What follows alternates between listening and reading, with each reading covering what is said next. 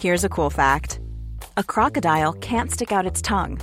Another cool fact you can get short term health insurance for a month or just under a year in some states. United Healthcare short term insurance plans are designed for people who are between jobs, coming off their parents' plan, or turning a side hustle into a full time gig. Underwritten by Golden Rule Insurance Company, they offer flexible, budget friendly coverage with access to a nationwide network of doctors and hospitals. Get more cool facts about United Healthcare short term plans at uh1.com. Many of us have those stubborn pounds that seem impossible to lose, no matter how good we eat or how hard we work out. My solution is PlushCare. PlushCare is a leading telehealth provider with doctors who are there for you day and night to partner with you in your weight loss journey. They can prescribe FDA-approved weight loss medications like Wagovi and Zepbound for those who qualify. Plus, they accept most insurance plans. To get started, visit plushcare.com slash weight loss. That's plushcare.com slash weight loss.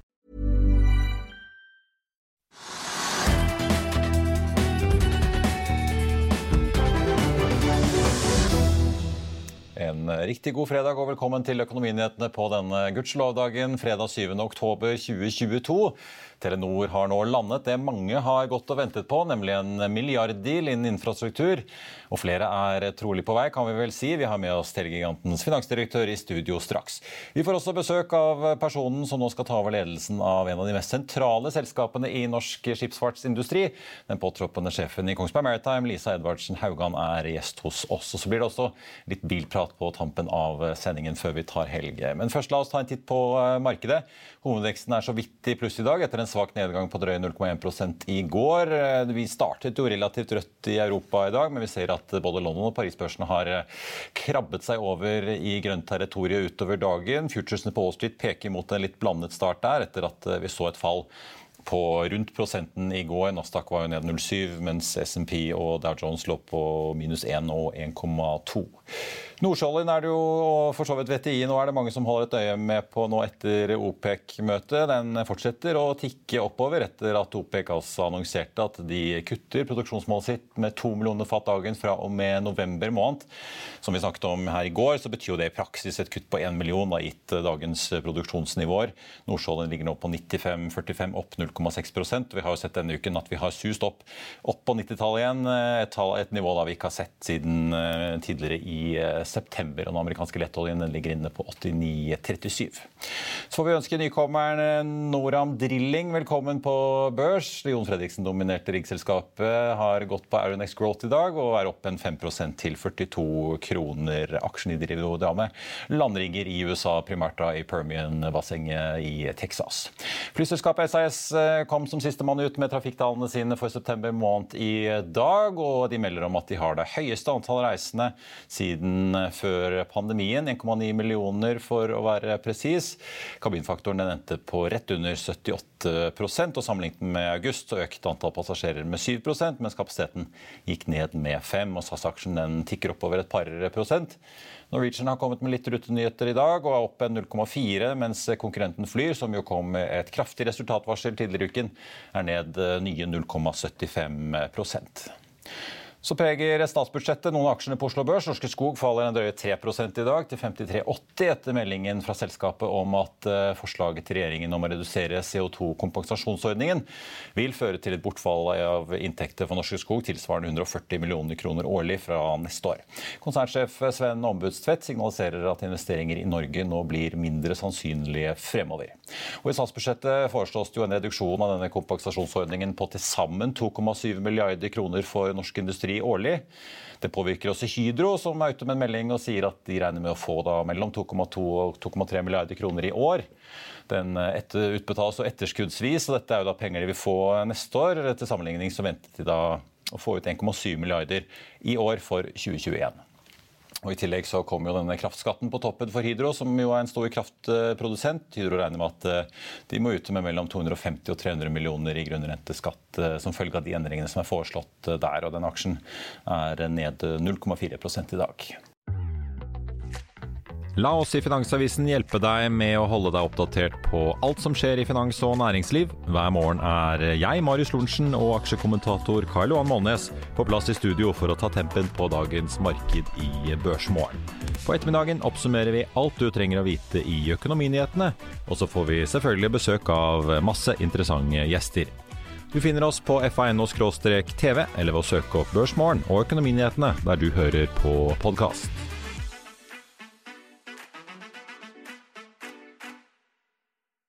Vi skal ta en Telenors eh, Tone Bakke straks, og mens hun tar plass, så skal vi ta dagens aksjetips, der eh, kollega Sindre Nikolai Aker har mer om ferske analyser fra meglerhusene på sjømatbransjen, og oppsummerer også litt hvor mye de aksjene nå faktisk har falt etter denne forrige ukes får vi si, skattebombe. Fire år med børsoppgang er blåst bort på bare tre uker. Nå nedjusterer også både Barclays og Kepler laksegigantene på Oslo Børs, men de har én vinner. Regjeringens grunnrenteskatt ga et knallhardt slag eh, for lakseselskapene på børs. SalMar stupte 30% på innføringsdagen og har halvert seg på bare tre uker. Nå nedjusterer også Barclays kursmålet fra 610 kroner helt ned til 362. Christian Olsen Nordby i Kepler han mer enn halverer sitt eget kursmål på samme aksje. Han går ned fra 825 til 360 kroner, går fra kjøp til hold. SalMar handles i dag til rundt 320 kroner og faller videre rundt 5 etter eh, analysene. Flere lakseaksjer blir også dratt ned av eh, de to meglerhusene. Lerøy får kursmålet eh, kuttet til 60 og 40 kroner. Den handles nå rundt 39. Én vinner i sektoren er imidlertid Bakkafrost, som har sin drift på Færøyene, og dermed ikke rammes av den norske grunnretteskatten. Kepler drar ned også kursmålet her, men ikke lengre enn til 735 kroner. Og det er en oppside på over 60 så her er det muligheter å spore. Da skal vi til eh, dagens dealmaker, får vi si. Telenor har nemlig landet eh, et nedsalg på 30% av sitt infrastrukturselskap på fiber i Norge. Motpartene som kjøper seg inn, er KKR og Oslo Pensjonsforsikring, så eh, nå begynner jo virkelig å skje ting innenfor infrastrukturen og alle verdiene dere sitter på, som dere jo har pratet mye om senest på kapitalmarkedsdagen og 20.9. Tone Bakke, velkommen tilbake.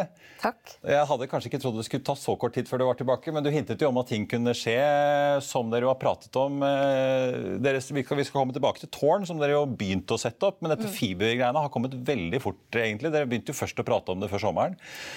Og nå er det altså på plass. Fortell litt om, om eh, denne dealen. Dere får jo altså frigjort 10,8 milliarder kroner omtrent. Ja, Eh, som du sier, så er dette en del av den strategien vi nå har sett. At infrastruktur blir en annen type av eh, telekom-verdikjeden. Og vi setter det opp som et eget forretningsområde. Og vi har jobbet og vi har tenkt på, på fiber over tid. Eh, og så sa vi da før sommeren at nå går vi ut og vurderer en transaksjon. Og da så vi at det var mulig faktisk å få til ganske raskt. Du er sikkert selv fornøyd med prisingen, vil jeg tro, men det har jo slått meg analytikerne i dag. Eh, har jo egentlig vært ganske samstemtige om at eh, de multiplene dere priser dette her på, er langt høyere enn det de hadde forventet. Mm. Jeg ser også aksjen deres er jo opp en 4% Dere bikket jo under 100 kroner for første gang her på ti år. Det må jo være litt surt. Eh, men likevel, si litt om den prisingen og hvordan dere selv tenker rundt dette her. Det er jo ja, 36,1 milliarder som er da satt på verdi på dette selskapet. Ja.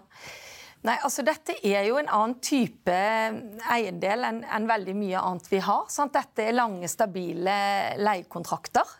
Og vi ser da at du får en helt annen prising på denne type eiendel. Det som er, er, det som er på fiber, kanskje i litt annen grad enn tårn, er at det er ulike transaksjonsmodeller i ulike fibertransaksjoner. Vi er veldig fornøyd. Vi har jo Telenor Norge vil være eneste kunde til dette selskapet. Og dette selskapet vil eie den passive fiberinfrastrukturen. Sånn at Telenor Norge vil jo beholde kundeinteraksjonen, kundeforholdet. Og Telenor Norge vil styre utrullingen. Så dette vil være et eierselskap som eier den passive delen. Eh, prisingen er vi veldig godt fornøyd med. Eh, det har jo vært mye eh, spekulasjoner og diskusjoner rundt om markedet er, og vinduet er i ferd med å lukkes for denne type transaksjoner basert på rente globale rentemarkedet. Men vi, vi, er også veldig fornøyd med den prisen vi får i dag. Ja, for Det er jo mye uro, veldig mye usikkert hvor faktisk rentene havner. En ting er at alle vet at de skal oppover, men ja. uh, har det vært et element her i diskusjonene? Ja, altså det er jo klart at Dette er jo et selskap som må finansiere sitt oppkjøp. og Det, de, det blir jo en viktig innsatsfaktor for de. Nå har jo vi da funnet partnere som er store og solide, eh, og basert på det kan eh, ha mulighet til også å tilby fremdeles veldig attraktive priser, selv i det markedet vi ser nå. Du var jo litt inne på det. Dette er jo den passive delen. Det er, de der små buene du ser langs veiene, selve liksom rørene, ikke kundeforholdet som jo Telenor Norge beholder. Dere gjør det samme på, på mobiltårn, basestasjoner, hvor eh, Telenor fortsatt beholder basestasjonen, men dere har jo etablert et nordisk selskap som i mm. alle de nordiske landene sitter og eier da tårn eller eh, taklokasjoner eller hva det måtte være med denne tårninfrastrukturen. Mm. Hvorfor ikke på en måte slå dette sammen? og ja, selge alt til Oslo Pensjonsforsikring og KKR for å si det sånn i én pakke? Nei, det var ikke naturlig for oss. Sånn som vi har sagt, så, så ser vi at det, vi tror det tar noe lengre tid før vi kommer til en transaksjon på tårn. Eh, men det er klart vi har jo eh, joint ventures både i Sverige og Danmark som, som vi jobber med partnerne våre for å også få inn i dette selskapet vi har. Eh, vi ser også at det er forskjellig prising og forskjellig fokus rundt disse eiendelene. Så vi har sett som naturlig å holde de adskilt. Si litt om eh, på en måte, forholdet mot investorene når har gitt at aksjekursen faktisk har bikket under 100. Dere annonserer jo i dag at dere skal eh, etter planen da, starte tilbakekjøp av aksjer. Så vidt jeg skjønner at tilsvarende en tredel av det dere får ut. Så vi snakker jo da tilbakekjøp for en drøye 3 milliarder kroner. Ja, så det vi sier er at eh, Nå får vi inn 10,8 milliarder kroner. Og, og, vi ser at det, det, er tre, det, er tre, ting vi skal bruke disse pengene på. Det ene er jo at vi skal fortsette å satse på fiber. Det er klart at I Norge, i hele telekomindustrien i Norge i dag, ikke bare i Telenor, så investeres det enormt med penger. Og vi ser at gjennom denne transaksjonen så kan vi faktisk fortsette å investere enda mer. Eh, det vil også komme aksjonærene til, gode. Dette er gode investeringer, men det er krevende for et eh, telekomselskap å bruke veldig mye CapEx, som vi har diskutert flere ganger. Så sier vi at eh, det prinsippet vi presenterte på kapitalmarkedsdagen, er at i de situasjonene hvor vi tar ut, eh, etablerer en minoritetslekkasje, som vi får i dette tilfellet, så vil vi mitigere, søke å mitigere det ved å kjøpe tilbake aksjer. Og Det er det vi sier vil være ca. 30% av det vi får ut. Og Så vil vi jo da bruke resten av pengene på å investere fortsatt i infrastruktur og i virksomheten i Telenor, og med det også styrke balansen vår. Ja. Sånn at Det er viktig for oss, tilbake til aksjonærene. du sa tre områder. Det er tilbakekjøp og i fiberinvesteringer og styrke balansen i Telenor, da, egentlig? Ja. ja. Omtrent en tredel hver, eller har dere Nei, det vil ikke, jeg vil ikke si, men vi sier rundt om 30% på tilbakekjøp. Ja. ja. Men altså, som, som, investor, er det denne type frigjøringen av kapital fra infrastrukturen deres? Eh, det er jo åpenbart store verdier dere også sitter på i tårn. Er det det som skal gi mer, mer avkastning eh, og på en måte få fart for investorene nå fremover, primært? Nei. For dere er jo ikke i markeder hvor det er veldig mye vekst lenger, sånn som i type Norden? da? Nei, det skal vi bevise at det er. For vi har en strategi i Norden hvor vi mener det er vekst i Norden. Og det var jo den strategien vi la fram. Eh, det, vi mener at dette vil være et av områdene som skaper verdi for investorene fremover. Men det som var viktig for oss på kapitalmarkedsdagen, var å fortelle at vi ser ulike måter å skape verdier ut innenfor de ulike forretningsområdene. Og Da snakket vi om vekst i Norden. Vi har tro på det. Vi snakket om denne type verdirealisasjon og verdisynliggjøring og fortsatt investere for å skape verdier infrastruktur. Og så jobber vi med primært vår strategiske agenda i Asia også. Nå har dere ikke annonsert noe på tårn enda, men kan du si litt om hvordan dere tenker eh, på penger dere frigjør der? Eh, kan det bli snakk om noe ekstraordinært utbytte, eller er det tilbakekjøp og også penger brukt på nye investeringer som dere ser for dere? Det tror jeg ikke jeg skal forskuttere nå. Det, som vi har sagt, så ligger det litt ned i veien. Men det vi har sagt som prinsipp, er når vi skaper den type minoritetslekkasjer, så er det naturlig å dekke opp for det gjennom tilbakekjøp av aksjer når vi snakker om infrastruktur. Så, så, det vil nok være en del potensielt av en mekanisme, men avhengig av eh, transaksjon og når det skjer. Kan du si noe om hvor langt dere har kommet i prosessen på Tårn? Eh, vi har, når vi eventuelt kan vente oss noen avklaringer om hvilken vei dere tar der? Ja, Det vi har sagt som var nytt på kapitalmarkedsdagen, er at vi kommer til å potensielt bringe inn eksterne partnere også der. Men det vi også sier, er at vi forventer at det tar lengre tid, som betyr 12 til 24 eh, måneder før vi gjør noe på tårn. Ja, Så det jo, på, kan ligge litt lenger ned i veien? Ja. på en totalitet. Vi så jo Telia de kjørte jo to dealer både i Norge og Finland først, og så i Sverige med de samme partnerne. Er dere diskusjoner med Oslo Pensjonsforsikring og KKR om eh, tårnting? Ja, Det er selvfølgelig ikke noe jeg ønsker å kommentere på.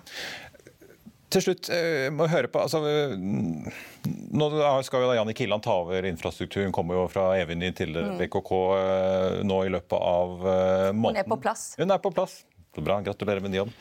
Er det noe mer dere har å spille på hvis du ser på, en måte på infrastruktur? Dette har jo ligget under deg. Mm. Har dere fiberinfrastruktur i andre land som dere kan spille på her, eller er det nordiske tårn og Fiber Norge som er de primære verdiene?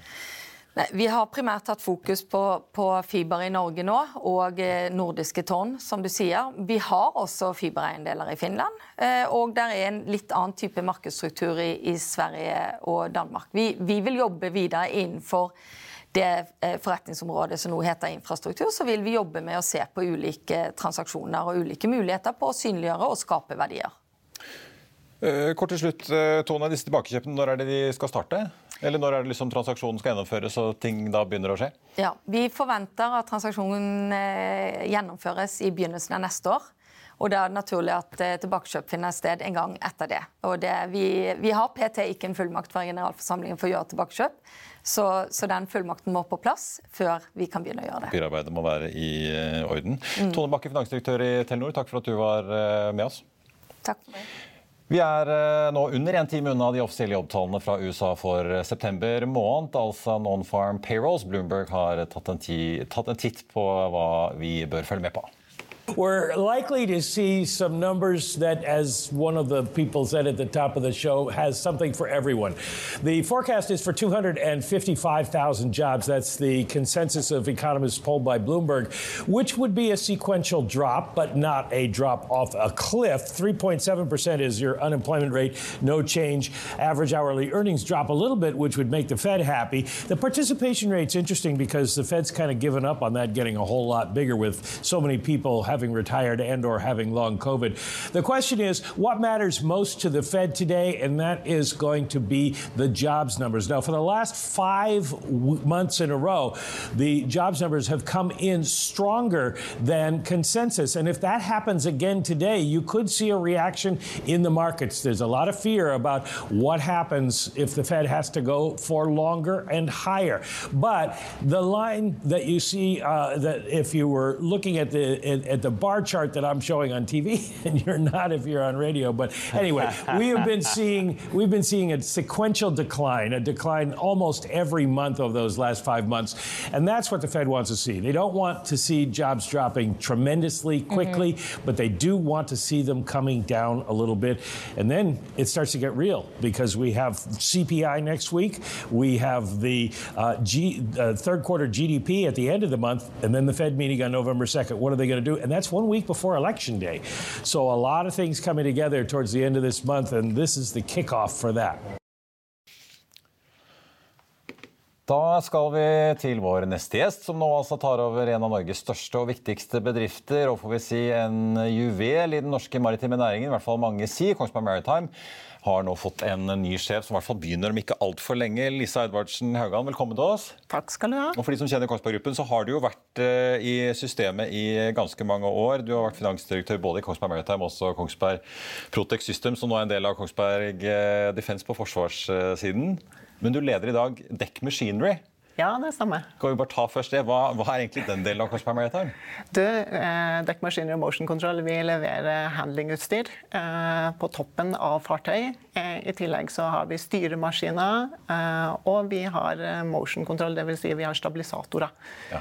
Eh, og også utstyr egentlig til naval-fartøy. Mm.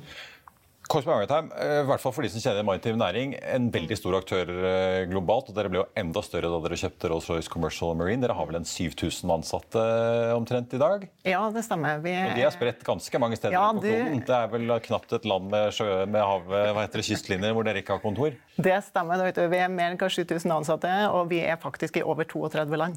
Ja, mm. så Det er lov for å være lov å si gratulerer ja. med ny jobb. Din forgjenger Egil Hausdal skal så vidt jeg skjønner over til en ny jobb i konsernet. hvor for å lede en satsing på fornybar. Mm. Det er jo også, det skal vi komme litt tilbake til, vevd inn i Kongsberg Maritime. Men, men fortell litt om hva, hva er på en måte Kongsberg Maritime i dag? For dette oppkjøpet av Rolls-Royce Commercial Marine ble jo gjort rett før pandemien annonserte i 18, gjennomført i 19, og så var det en stor ryddejobb som ble satt i gang, og så kom pandemien.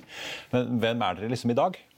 Du, eh, vi er jo en, som du sier, en av de store aktørene. Eh, vi leverer jo utstyr til et bredt spekter eh, av fartøy. Alt fra avanserte offshorefartøy og forskningsskip til handelsflåten, til marinefartøy. Og vi leverer til store fiskebåter, og ikke minst så leverer vi også til store offshoreinstallasjoner. Både inn mot havbruk, inn mot olje og gass, selvfølgelig. Og du kan egentlig kort sagt si at uh, er det på havet, så er vi der. Både det over eller under havet. Du finner den gylne K-logoen uh, ganske mange steder hvis du begynner å gå ja, uh, moderne skip etter i sømmene. Ja. Men fortell litt, for de som var på kvartalsprestasjonen til Kongsberg Gruppen da rett før pandemien, da dere overtok Rolls-Royce, så ble jo veldig du ofte sendt opp på podiet etter ledelsen, fordi du var jo på en måte ansiktet til denne store ryddejobben mm. som dere satte i gang. Dere kjøpte jo et selskap som slet med underskudd underskudd. Eh, det var ganske mange hundre millioner som skulle spares inn for å snu skuten. Dere måtte nedbemanne med ganske mange hundre mennesker også, husker jeg. Fortell litt om den jobben dere gjorde. Du var jo også involvert, dere la jo ned en virksomhet i Vietnam. og ja, Det var jo en ganske stor jobb å gjøre, som du sier. Det handla om å ta ned på en måte litt av kostbildet og snu det som var da veldig røde tall, til å bli svarte tall. Eh, jeg synes Det er viktig å få frem at det er en jobb Nettopp for at vi var en sånn perfekt, eh, perfekt match, da, eh, så tror jeg på en måte det gjorde hele jobben litt enklere. Vi var veldig kjapt frampå med å på en måte få med oss hele bredden av de ansatte, på, som var villige til å gjøre denne store jobben. Og, og på en måte brette opp armer, for det er jo det som kreves. Eh, for å få gjort sånne omstillingene som vi måtte gjøre i et ganske hurtig tempo. Og Du leser jo en del av disse bøkene ikke sant? der det står alt om hvor ofte disse oppkjøpene blir mindre vellykka. Ja. Jeg må jo si at eh, vi har jo klart det veldig bra. Eh, og vi kan jo i dag si at dette er en suksess. Ja, det gikk jo, altså, De besparelsene gikk jo fortere enn det dere først uh, turte oss på. Ja. ja.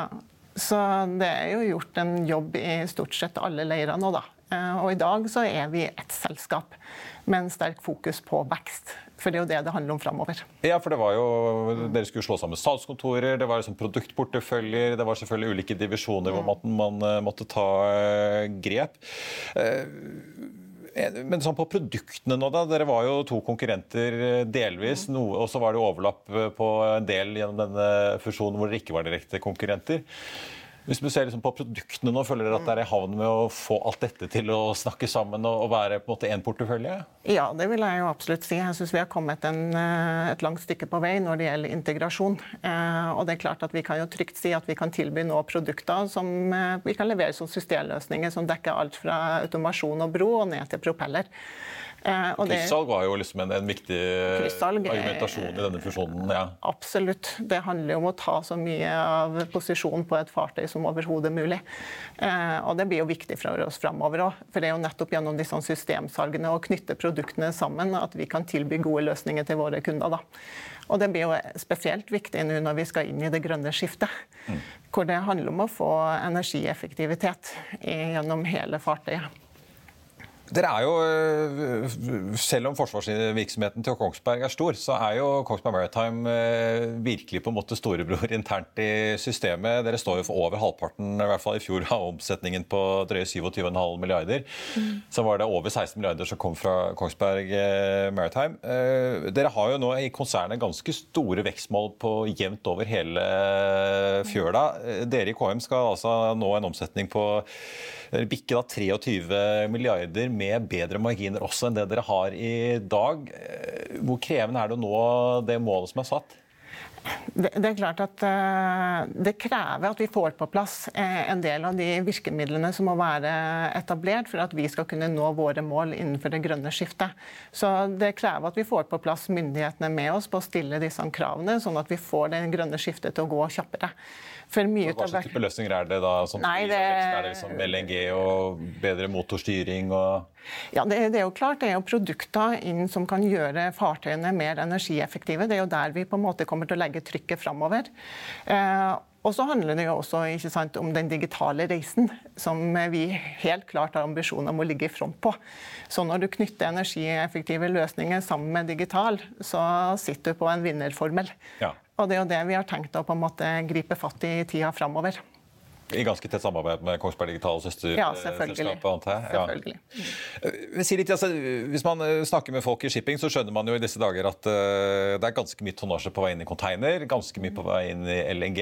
Ja. Hvordan ser på en måte bransjen ut fra deres uh, ståsted nå? da? Det har jo vært et tiår bak dere hvor oljebransjen på en måte har hatt en ordentlig berg-og-dal-bane i perioder. Nå går det så det griner igjen, men vi har to ordentlig store knekker. Eh, kontrahering i vanlig handelsshipping har jo også vært opp og ned. Ja, det er jo som du sier at Kontraheringen innenfor fraktfartøy har jo på en måte vært høy. Eh, og Nå har det jo tatt seg litt ned fra 2021, men den er jo fortsatt på et forholdsvis høyt nivå. Eh, det er klart at Utviklinga i verdensøkonomien vil jo kanskje dempe det noe, i tillegg til de høye prisene som etter hvert kommer nå på å bygge nye fartøy. I tillegg så er jo verftskapasiteten sprengt. Så vi forventer jo en liten nedgang i det segmentet. Men eh, det er klart at eh, fokuset nå i Europa på energiuavhengighet og eh, vil jo på en måte drive fram nye investeringer, da. Spesielt innenfor offshore vind. Ja. Og her ser jo vi helt klart muligheter, og har store ambisjoner. Ja, For dere leverer bl.a. disse offshore, altså havvind-serviceskipene, ja. hvis man kan kalle det? ja. Så det er jo et marked hvor vi nå vil komme inn og på en måte gripe de mulighetene som finnes innenfor det. I tillegg så er det jo økte budsjettrammer nå inn mot uh, marine fartøy. Uh, altså mot, ja, på forsvarssiden? På forsvarssiden, ja, ja. Som vi selvfølgelig også kommer til å på en måte prøve å ta del i. Smimens gjerne varmt, som det heter. Ja. Fortell litt om eh, Dere som veldig mange andre ble jo ganske mye rammet av korona. og den eh, logistikkutfordringene, nedstengingene. Dere har jo veldig ofte mannskap, mannskap, som skal ut på skip og rigger og fartøy. Hvordan ser det ut eh, nå? Vi har jo sett at kineserne har ganske lenge hatt ganske strenge regler der, i hvert fall.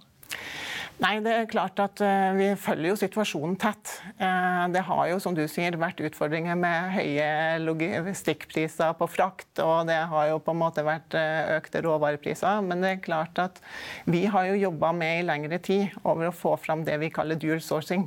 Sikre at vi ikke er så avhengige av enkeltleverandører. I tillegg så gjør jo vårt fotavtrykk, det at vi har en så spredt globalt organisasjon, sitt til at vi på en måte står bedre rusta. Eh, så det er klart at når vi møtte disse reiserestriksjonene, for Kina for har jo vært mer eller mindre hermetisk lukka nå i ganske lang tid, så har vi personer og ansatte i de enkelte land som på en måte kan gjøre arbeidet lokalt. Det har vært en suksess for oss, og det kommer vi til å spille videre på. Fortell litt, eh, Når dere skal posisjonere dere for veksten innen eh, si, energieffektivisering og grønn eh, skipsfart, hvordan tenker dere å posisjonere dere når vi hører rederne egentlig være ganske åpne på at de er veldig usikre på hva slags type skip de skal bestille?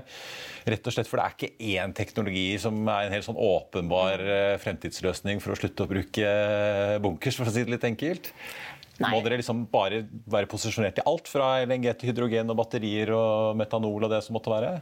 Nei, jeg tror det som er viktig for oss framover, er å være spille på der vi fortsatt er gode. Og det er på en måte å ta en aktiv rådgiverrolle overfor våre kunder. Og ikke bare det, men da kan vi også på en måte tilby komplette løsninger. Og det kommer til å være et hovedfokusområde for oss framover også. Vi kan, som du sier, eh, selge produkter og løsninger og tjenester til et bredt spekter eh, av fartøy, og det, det gjør oss jo godt godt rusta. Eh, vi sitter på mye av den teknologien som er påkrevd allerede i dag. Og så er det jo viktig nå at vi i tett samarbeid med rederne, og en del av de har jo mista litt finansielle muskler den senere tida, så det er jo det å gå i tett samarbeid med de og sørge for også sammen med myndighetene at vi får på plass dette regelverket, som også er påkrevd for at vi skal få på en måte fortgang i disse satsingene nå. da. Ja, la oss ta det til slutt. Altså, her, vi har en verden med mye inflasjon og høye energipriser og mye usikkerhet og mye som uh, skjer. Vi fikk jo også et uh, statsbudsjett. og i hvert fall Tradisjonelt i Norge så har jo på en måte eh, maritim næring hatt en ganske tett dialog med politikerne. Politikerne har vært villige til å bestille batteriferger og på en måte gjort en del sånne grep for at Norge skal være i tet. Nå er jo og Yara bl.a. vært tidlig ute med dette Birkeland-skipet som skal være autonomt, hvor dere er jo tett involvert. Er du fornøyd med statsbudsjettet sånn sett med maritim maritime briller? Du, jeg syns uh, satsinga på havnæringa uh, synes vi er veldig bra. Uh, der kommer det midler både inn mot havvind og mot grønne FoU-prosjekter. Det er viktig. Det er viktig for oss i Kongsberg Maritime. I en tid hvor det er kamp om kronene på budsjettet? Absolutt, så det setter vi pris på.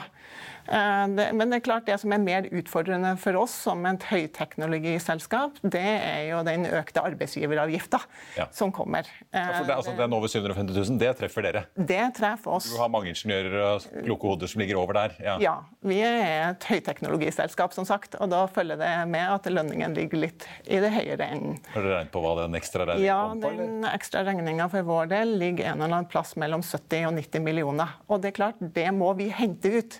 Eh, på et eller annet måte. Eh, og det er klart at dette vil svekke vår konkurransekraft inn mot eh, eksport, sammenlignet med andre eksport.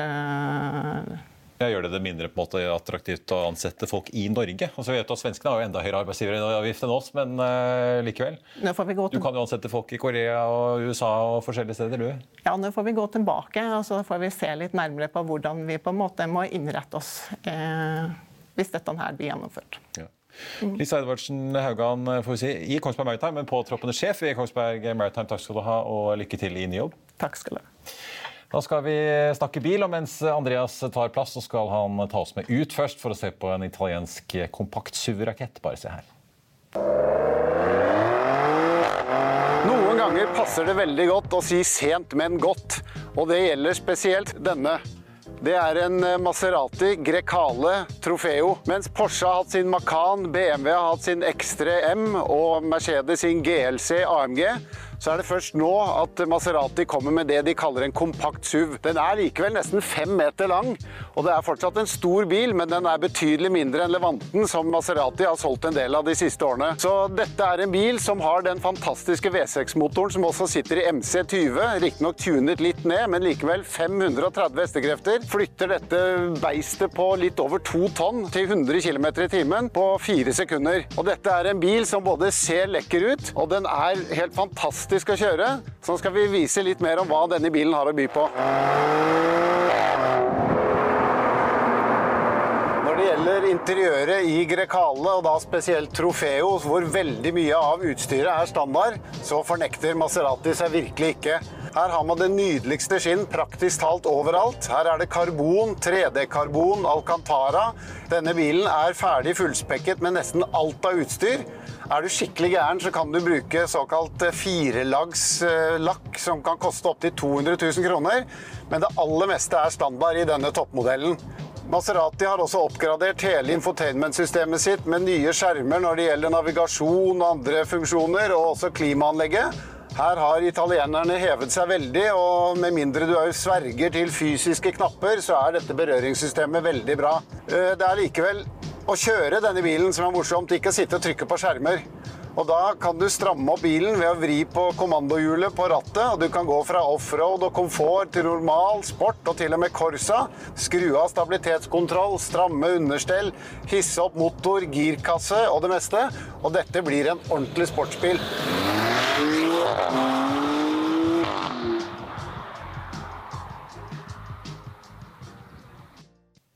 Ja, Maserati Grecala, altså sistemann ut i det heftigste SUV-segmentet. Andreas, var det jeg skulle si. I da Trofeo-versjon. Det er jo finurlige navn disse italienerne har på eh, bilene sine. Ja, Trofeo er jo det ypperste av disse bilene. Den kommer med mindre motorer også, med en V6 og 530 hestekrefter. Det pleier å gjøre susen i en liten SUV. Ja. Eller mellomstor. Morsom sak. Hvor mange blir solgt av denne her i Norge nå? da? Det er jo ikke akkurat veldig elektrisk, dette her. Nei, den kommer som elektrisk bil allerede neste år, så den kan jo bli veldig mye mer interessant. Men eh, denne bilen som koster fulltspekket ca. 2 millioner kroner, fikk jo ikke så mye medfart i årets statsbudsjett som noen kanskje hadde trodd. Så noen blir det nok, men eh, det er nok flere som står og venter på den elektriske modellen som ja. kommer neste år. og som Får et prisforslag av moms og kanskje ja, direkteavgift også? Ja, allikevel betydelig mindre enn de to millioner denne verstingmodellen koster. Så ja. det blir nok interessant, og den blir nok ikke noe mindre heftig, egentlig. Så mye å glede seg til. Elektrisk moro til folket, kan vi nesten uh, si. Du, vi, må, uh, vi, må, nesten vise bildet av denne båten uh, som dere også skriver om, som to nordmenn så vidt jeg skjønner, har skaffet seg. Riva Dolce Riva 48. Ja, jeg kjenner ikke båten annet enn at jeg har sett den på bilder, og det ser jo dritlekkert ut. Og det er jo en båt som da er 48 eh, fot, så du slipper noe annet enn eh, båtførerprøven. Du slipper også det nye høyhastighetssertifikatet, for den båten skal gjøre 40 knop.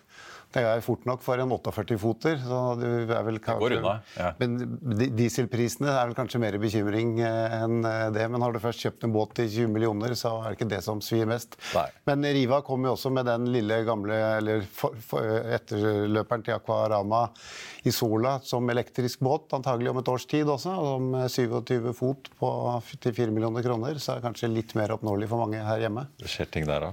Nå Til slutt må vi innom eh, Når vi først har snakket italiensk, så må vi nesten snakke fransk.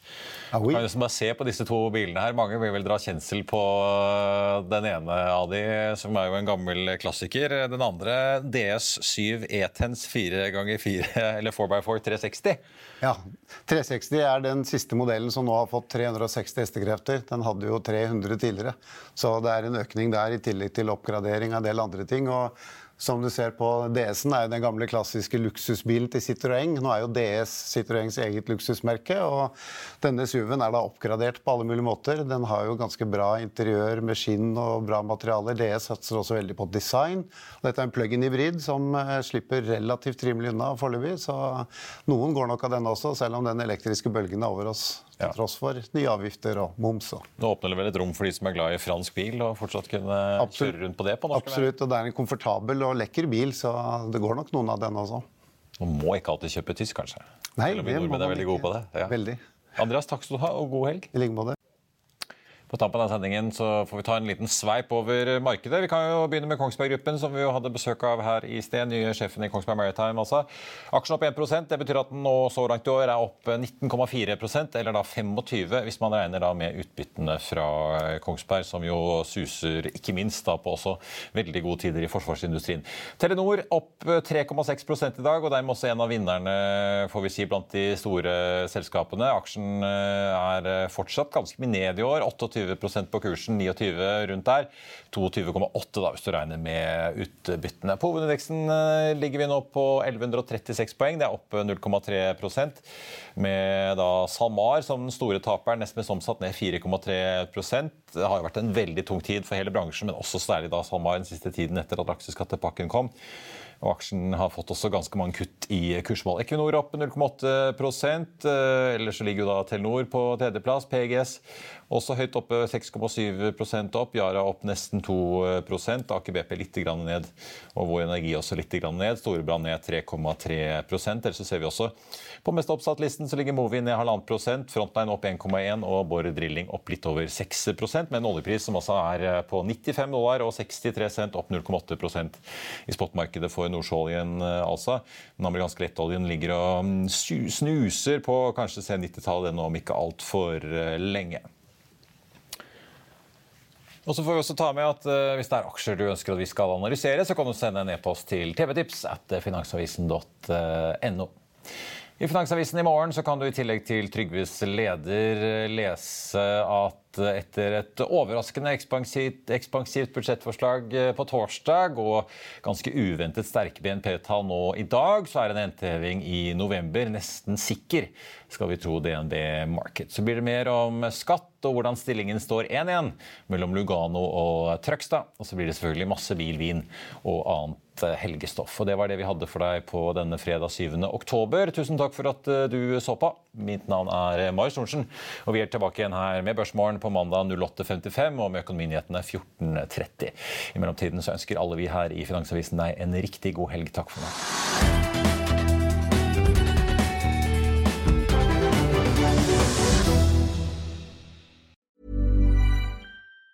Planning for your next trip? Elevate your travel style with Quince. Quince has all the jet setting essentials you'll want for your next getaway, like European linen, premium luggage options, buttery soft Italian leather bags, and so much more. And it's all priced at 50 to 80% less than similar brands. Plus, Quince only works with factories that use safe and ethical manufacturing practices. Pack your bags with high-quality essentials you'll be wearing for vacations to come with Quince. Go to quince.com slash trip for free shipping and 365-day returns.